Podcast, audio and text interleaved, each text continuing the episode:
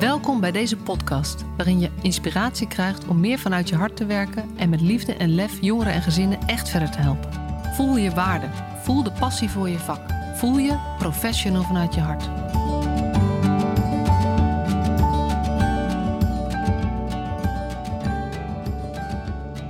Leuk dat je weer luistert naar deze nieuwe aflevering van de Professional vanuit je hart podcast. En vandaag helemaal met mij, Marcia Struik, de host. Ehm, en mij hoor je elke week maar meestal samen met een gast. En deze keer, en ook wel wat vaker tegenwoordig, uh, alleen.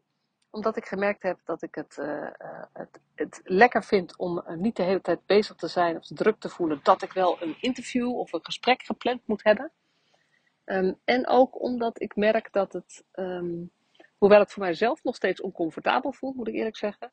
Omdat ik merk dat juist mijn solo podcasts ook wel reacties um, oproepen bij luisteraars. Ik krijg uh, geregeld mailtjes van mensen of berichtjes via LinkedIn of op een andere manier. Die juist bij de solo-afleveringen zeggen van ja, dit, dit heeft me echt geraakt en aan het denken gezet. Dus um, dat verbaast mij dan weer. Dat ik dan denk, ja, ik, ik ga ook maar, begin ook maar ergens over te praten. Uh, en uh, hoezo kan iemand daar dan iets aan hebben? En tegelijkertijd bevestigt het voor mij, waar ik, waar ik ontzettend in geloof, dat um, dat iedereen iets te vertellen heeft. En dat iedereen uh, iets te delen heeft waar, een, waar je een ander mee kunt helpen. En um, dat eigenlijk het probleem is dat we te vaak uh, op zoek gaan naar dat we echt precies weten wat goed is voor de ander of zo, of wat de ander nodig heeft, en dat we dan pas delen.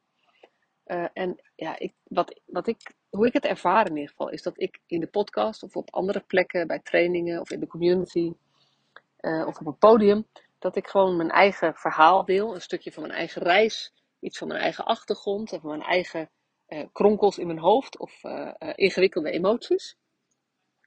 En dat dat juist um, bij, bij anderen iets teweeg brengt, waardoor zij ook over zichzelf gaan nadenken en gaan kijken wat bij hen past. Omdat er, ja, soms herken je iets in wat ik zeg misschien, of soms juist helemaal niet, werkt het bij jou heel anders.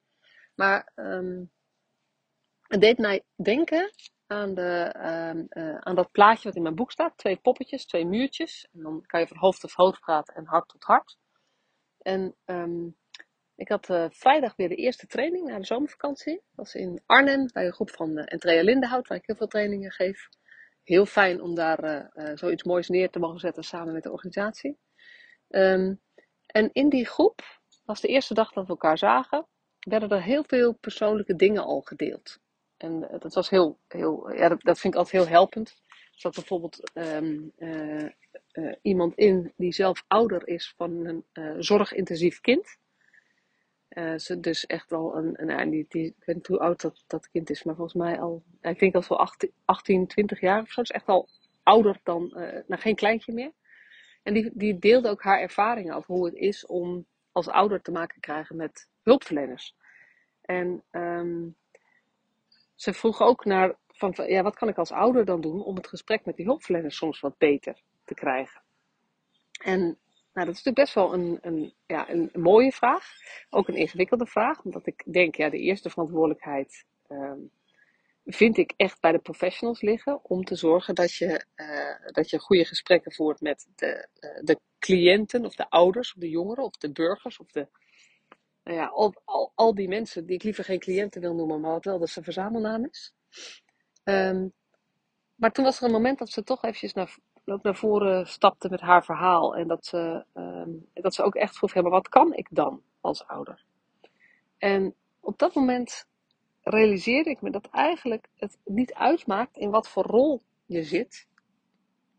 Maar dat altijd de toegang tot een beter gesprek ja, al, altijd moet je met een korreltje zout nemen. Hè? Er, zijn, er zijn enkele uitzonderingen. Maar eigenlijk altijd, laten we het dan zo noemen, um, is de toegang tot een beter gesprek als jij iets meer van jezelf laat zien. En um, ik weet het voorbeeld niet meer precies wat ze noemde, maar het ging over dat, ze, um, uh, uh, dat er iets besproken werd, waar zij, uh, wat voor haar als, als ouder natuurlijk heel relevant was. En waar zij niet het gevoel had dat de hulpverlener naar haar luisterde. Maar haar reactie was op dat moment, uh, ik, ze zei zoiets als, ik geloof niet dat het hierover gaat.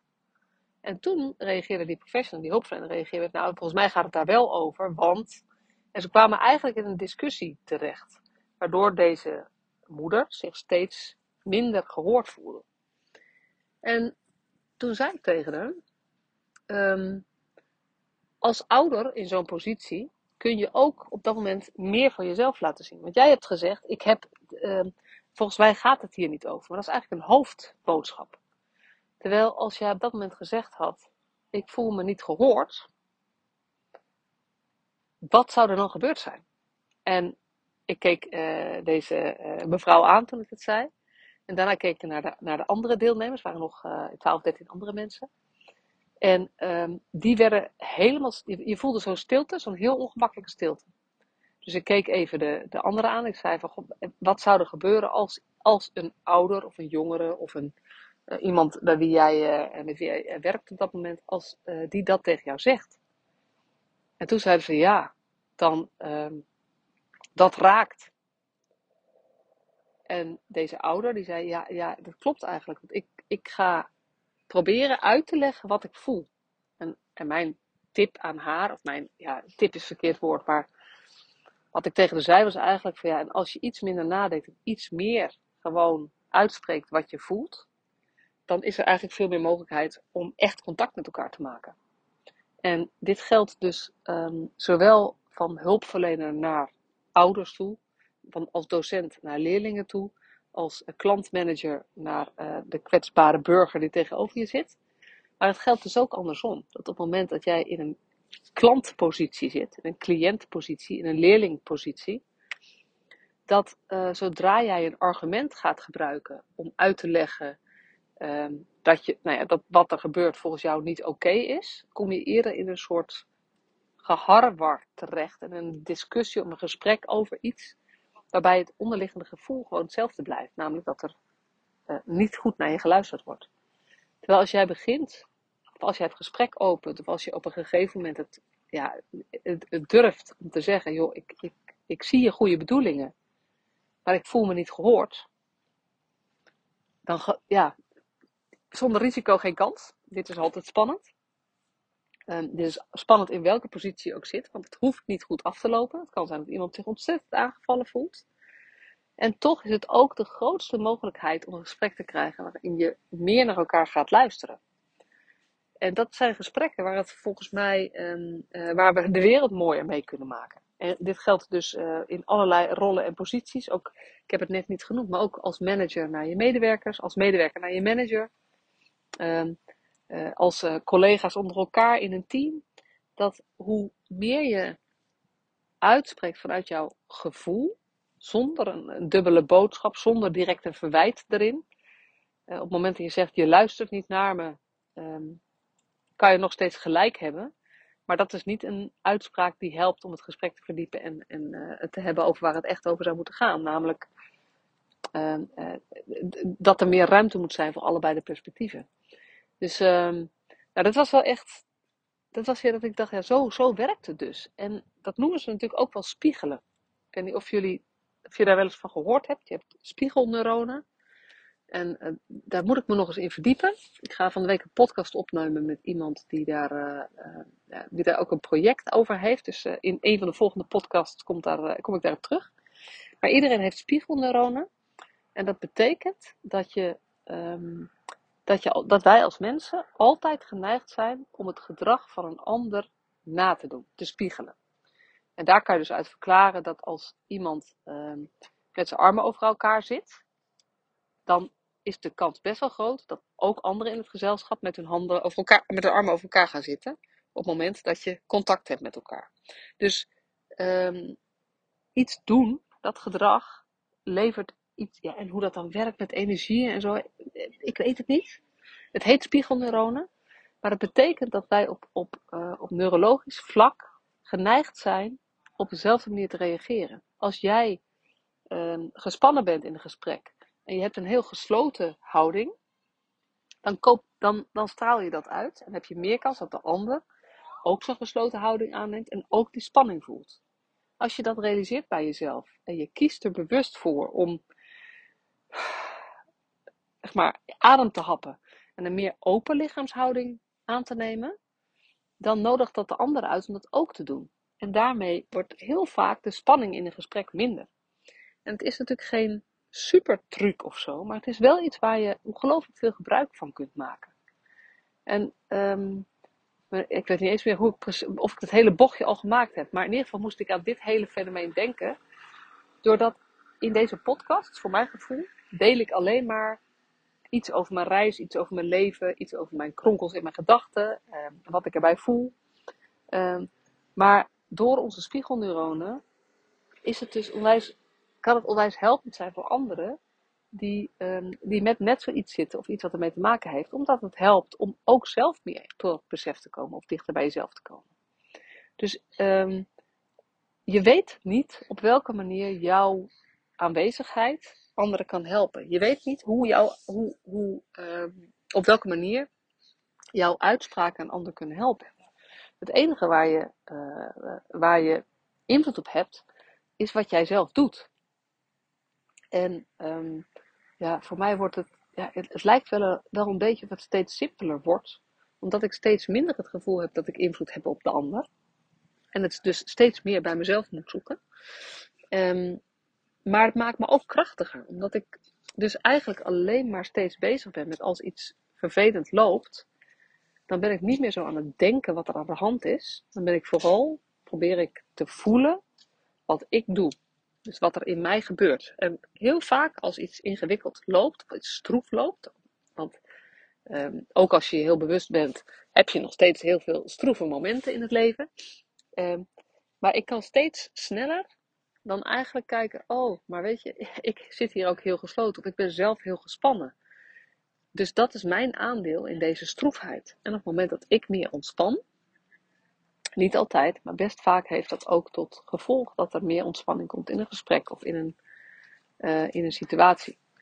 En um, het, is alsof um, uh, ontspanning besmettelijk is. Uh, ze zeggen dat ik wat je aandacht geeft groeit. Nou, daar heb ik ook wel eens een podcast over opgenomen. Daar kan je het zien over, uh, over echt over groei. Maar ik denk dus zelfs dat dat gaat over uh, sfeer of dat dat gaat over, uh, over, wat je, over, je, over je uitstraling. Weet je, mensen zijn graag in de buurt van positieve mensen, omdat dat ze een prettig gevoel geeft. en het werkt alleen maar als diegene die dan dat positief mens is, dat ook zelf zo voelt volgens mij. Want de clown, die heel erg zijn best doet om grappig te zijn en positief te zijn, maar het niet voelt, die, die wordt een beetje uitgelachen. Die wordt niet serieus genomen. Dus um, die spiegelneuronen, wij reageren, iedereen reageert op wat een ander uitstraalt of doet. En uh, ja, nogmaals, hoe dat precies werkt, ik heb dus geen idee. Ik heb daar serieus nog nooit iets over gelezen. Maar het fascineert me wel. Want daar is eigenlijk die, dat plaatje met die twee poppetjes en die twee muurtjes. In, in basis gaat het daar ook over. Dat, dat ik geloof dat als jij iets van jezelf laat zien, als jij iets van je muurtje laat zakken, en dat moet je doen op een manier die bij jou past, uh, die bij de situatie past. Uh, en um, uh, het gaat helemaal niet over het delen van hele persoonlijke zaken, maar wel over iets van jezelf laten zien. Dat, dat is als het ware de ander uitnodigen om ook iets van zichzelf te laten zien. En het moeilijke is dat wij, um, uh, dat, een, dat, dat, dat veel mensen geneigd zijn om niet als eerste die stap te zetten. Omdat het spannend is. Want misschien laat jij iets van jezelf te zien en doet die ander dat niet. Dus je bent ja, kwetsbaar, klinkt als een groot, groot woord, maar iets van kwetsbaarheid heeft het wel. En toch staat waar ik heel erg in geloof dat als, um, dat als jij, ja, nou ja, ik kan het bij mezelf houden. Mijn ervaring is, als ik de stap neem om iets van mezelf te laten zien, uh, en ik ben vaak de eerste daarin, lang niet altijd, maar ik doe dat, voor mij is dat vrij gemakkelijk, um, dan ontstaat er heel snel een open sfeer of een open gesprek. En ik denk dus dat dat altijd zo werkt. En hoe, hoe meer gespannen de situatie is, hoe meer gespannen het gesprek is, hoe moeilijker het is om iets van jezelf te laten zien, en hoe harder dat nodig is, als je in ieder geval de dynamiek van het gesprek wil beïnvloeden. Want je kan ook denken, ja, weet je, dat is niet voor mij. Helemaal prima, dan, dan hoef je hier helemaal niks mee. Maar als je op zoek bent naar manieren om, om in spannende gesprekken of spannende situaties weer meer grip te krijgen op wat er gebeurt en te beïnvloeden, dan zit dat volgens mij hierin. Dat je beter leert bij jezelf van, van eh, waar zit ik met mijn energie, waar zit ik met mijn aandacht en hoe um, reik ik eigenlijk nog uit naar de ander. En het mooie vond ik van, uh, van de dag van vrijdag, dat uh, aan het eind ben ik altijd, vraag ik altijd wat mensen er zelf mee gaan doen. En nou, dat, wordt natuurlijk allemaal, dat, hoeven ze niet allemaal te zeggen, maar sommigen zeggen dat dan wel. En dan vraag ik ook altijd van, wat, heeft deze ene dag, wat heeft dat je nou gebracht en hoe vonden jullie het? En er waren twee mensen die, um, die zeiden dat ze weer hoop voelden. En dat vond ik, ja, dat vind ik natuurlijk altijd heel pijnlijk dat dat dus blijkbaar nodig is. Maar ik vind het ook heel erg fijn, want hoop doet leven. En um, een van mijn allereerste podcasts met uh, Manus Boten, um, die in de podcast nog Maurits heet, maar hij heet inmiddels Manus. Um, die zei al dat hij een hoopverlener wilde zijn. En dat heeft toen bij mij ook al wel een beetje uh, geraakt. Want dat is ook wat ik wel Nou ik weet niet of het wil zijn. Het is wat ik van nature volgens mij um, uh, doe. Ik ben niet zo redder. Maar ik ben wel iemand die, um, die anderen uh, graag wil laten zien dat er altijd andere mogelijkheden zijn. En ik denk als je weer andere mogelijkheden gaat zien, dan krijg je weer hoop. En hoop doet leven, dat ze natuurlijk wel eens. Dat is een mooie uitdrukking. En um, de, ik denk ook dat, dat de uh, verbinding met hoop, of mensen die die hoop nog voelen, ook als je het zelf even niet meer voelt, dat, dat is wel wat, um, wat een strohalm kan zijn. En als je die strohalm nog hebt, dan, um, dan durf je misschien zelf ook weer op pad te gaan. En dat is best wel, uh, um, ja, dat raakte me vrijdag. En ik kreeg in dezelfde week een, uh, een reactie van iemand die had uh, de online training gedaan. Ik heb een online training, professional vanuit je hart. Dus de basistraining waar het ooit mee begonnen is. En die uh, zat in een burn-out. En die heeft ehm, tijdens haar burn-out deze training gedaan. En die zei echt van het is echt ongelooflijk hoeveel het me geholpen heeft om weer, weer veel meer te kiezen. Of eigenlijk te weten wie ik ben en wat ik wil. En ik heb ook echt hoop gekregen dat ik nu zo goed weet wat ik wil, dat ik, dat ik minder um, geneigd ben om overal maar ja tegen te zeggen. Dus um, uh, de kern volgens mij van, voor mij in ieder geval, van, uh, uh, van, van minder in een, zeg maar, weg, wegzakken in het moeras, moeras van alles wat nog moet en wat iedereen van je vraagt, wat de protocollen van je willen, is sterker verbonden zijn met je eigen drijfveren en je eigen overtuigingen, je eigen moraal, moreel, moraal, ethiek. Um, en daarvoor stapje voor stapje steeds meer durven gaan staan. Maar het begint bij zelf weten wie je bent en waar je van bent en waar je voor bent. En um, de online training is daar helemaal eigenlijk voor gemaakt. Ik heb hem um, in 2018 als pilot uh, ben ik ermee gestart het was ook de start van uh, Professional vanuit je hart. Want daar is, daarvoor is, heb ik deze naam uh, bedacht. Toen bestond er nog geen podcast, was er nog geen boek, was er helemaal nog geen community. Um, maar hij bestaat nog steeds, die training. En ik heb hem toen gemaakt omdat ik zag dat er zoveel mooie mensen verstrikt raakten in het, ja, in het web, laten we het maar noemen, van de systeemwereld. en met als gevolg dat er gewoon hele mooie, toffe, goede professionals het, de sector verlaten. Um, dat er een deel van de professionals afvlakt en uh, braaf doen wat moet doen. Maar dat is niet meer de docent of de, de, de, de uh, hulpverlener of de coach of de klantmanager die jij zou willen krijgen als je zelf in die situatie zat. Um, of uh, professionals die verstrikt raakten in um, waarvan ze zelf, waar ze zelf in geloofden en wat ze moeten van, van de organisatie of, of omheen. Waardoor ze ziek thuis zitten. En dan heb je het over stress, burn-out klachten ik geloof dat de, de kern daarvan allemaal is dat je moet zorgen dat je uh, heel goed verbonden blijft met jezelf. En dat we dat zeker niet leren uh, in, uh, in ons onderwijssysteem. En um, ja, sommige mensen zeggen dat je het zelfs afleert daar. Ik hou me wat dat betreft een klein beetje op de vlakte. Maar ik gun wel iedereen een sterke verbinding tussen zijn eigen hoofd en zijn eigen hart. Waardoor je een, volgens mij gewoon een betere professional kunt zijn. Dus die, dat, dat woord hoop kwam gewoon een paar keer terug afgelopen week. Vond ik echt heel, uh, heel erg mooi. En um, dat doet me ook denken aan. Um, als je mij volgt op LinkedIn, weet je dat ik zo'n uh, hartje en sterretje bij mijn naam heb. Voor, voor mijn naam en achter mijn naam. Dat is ooit, aangeraden door een of andere uh, LinkedIn-man. Dat is Arabic Garbidian. Dat is een enorme stuiterbal. Die, die heeft ongelooflijk veel energie. Um, en ik volg, hij heeft heel veel tips ook en zo, dat volg ik allemaal niet. Ik ben niet zo bezig met hoe zorg je dat je meer, uh, meer volgers krijgt op LinkedIn of zo. Maar wat hij wel zegt, en dat heb ik me wel, um, uh, daar heb ik me wel aan vastgehouden. Hij zegt, be the joy bringer.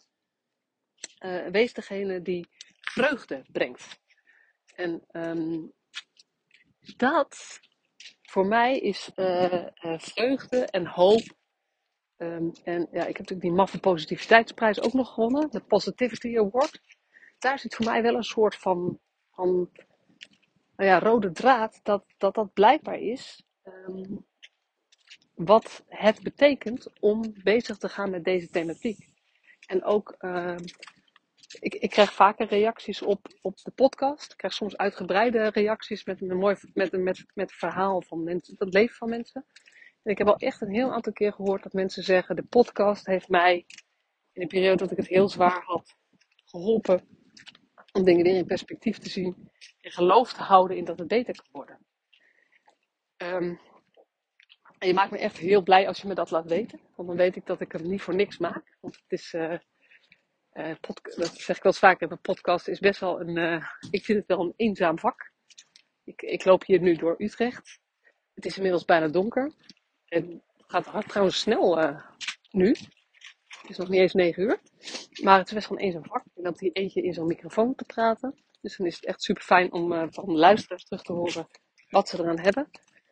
En uh, dat raakt me altijd weer. Dat mensen zeggen van je hebt, het, je hebt het niet geweten. Maar je bent een houvast voor mij geweest in een tijd dat ik het moeilijk had op mijn werk bijvoorbeeld. Dus ehm, ja, dat, zo zie ik dat een beetje. En ik, ik zou iedereen gunnen om op zijn eigen manier, op zijn eigen plek, ook zo'n hoopverlener te zijn. Of een joybringer. Of een. Uh, nou ja, ik ben helemaal geen positiviteitsgoeroe, juist niet. Ik ben ook helemaal geen chakra-type. Vind ik zelf in ieder geval. Maar dat vinden ze thuis ook niet. Maar ik ben wel iemand die altijd op zoek is naar welke. Er zijn altijd andere perspectieven. Er zijn altijd andere manieren om ergens naar te kijken.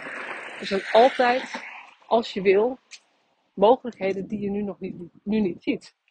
En um, ik geloof heel erg in dat, uh, dat positiviteit of blijdschap um, niet, niet zonder ook negativiteit, verdriet en boosheid en, en, en, angst zeg maar kan. Dus, dus het, het is er allemaal. Maar je hebt wel zelf de keuze wat je meer aandacht geeft. En door consequent te kiezen voor um, het aandacht geven van nieuwe mogelijkheden, te kiezen voor uh, ruimte geven aan, aan uh, ja, ja dat, dat hoort voor mij er wel echt bij, ook ruimte geven aan, aan negatieve emoties. Maar op een gegeven moment te zoeken naar mogelijkheden om wel weer perspectief te zien, of mensen op te zoeken die je helpen om dat perspectief weer te zien. Ja, dan, um, dan duurt het even. Maar uiteindelijk leidt het er wel echt toe, bij mij in ieder geval, dat je anders in het leven gaat staan. En als je zelf anders in het leven staat, kan je weer op een andere manier andere mensen verder helpen. En, um, ja, dat, was, dat is eigenlijk een beetje mijn, uh, mijn reflectie deze week met mooie reacties die ik kreeg. Waar ik super dankbaar voor ben. Um, mocht je nou, mocht dit thema je aanspreken, mocht je denken, oh, ik ben wel geïnteresseerd in online training. Kijk even op mijn website, professionalvanuitjehart.nl. Kan je hem vrij makkelijk vinden. Staat op de homepage, kun je doorklikken. En um, ja, mocht je deze podcast meteen horen, dan heb je uh, in die zin mazzel. Want uh, uh, op 6 oktober 2023 uh, doe voor het eerst, en misschien ook voor het laatst, want het is het experiment, een, een vraag- en antwoord sessie, een Q&A sessie erbij. Dus als je de training nu gaat doen, dan kan je daar ook gewoon aan meedoen. Dan kan je alle vragen die je hebt stellen. Um, En ja, hoeft niet, mag wel. Maar ik krijg van veel mensen te horen dat ik de training vaker moet noemen en mag promoten en dat soort dingen. Natuurlijk lekker aan het eind van de podcast. Dan, iedereen die, dit, die, die zeg maar het eerste stuk niet aankomt, omdat ze het te, te zweverig vonden, die horen het ook allemaal niet meer. Mocht jij hier nog zijn, dankjewel voor het luisteren. Heel erg dankjewel voor het luisteren. Dankjewel dat je mij ook weer uit mijn comfortzone uh, hebt horen gaan met het noemen van de online training überhaupt al. Zes, lessen in zes weken. Uh, 9,6 SKJ-punten. Dat is altijd slim om er even bij te zeggen. Uh, en ja, ik, weet ik hoop je te inspireren om op zoek te gaan naar, naar wat voor jou de manier is. Want alleen samen maken we de wereld mooier. Dankjewel. Fijne dag.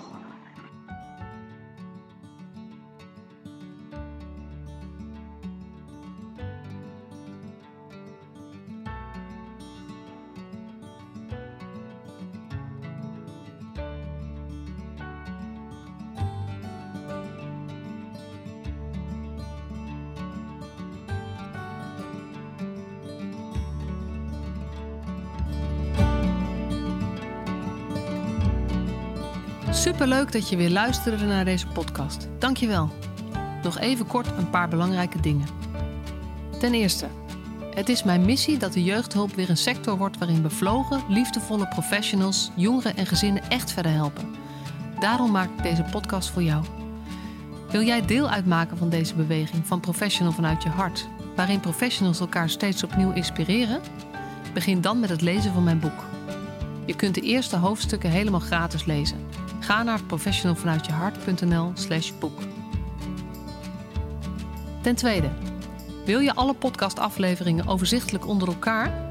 Abonneer je dan op deze podcast. Klik in je podcast-app op de button subscribe of abonneren. En elke keer als er een nieuwe podcastaflevering gepubliceerd wordt, ontvang je automatisch een berichtje.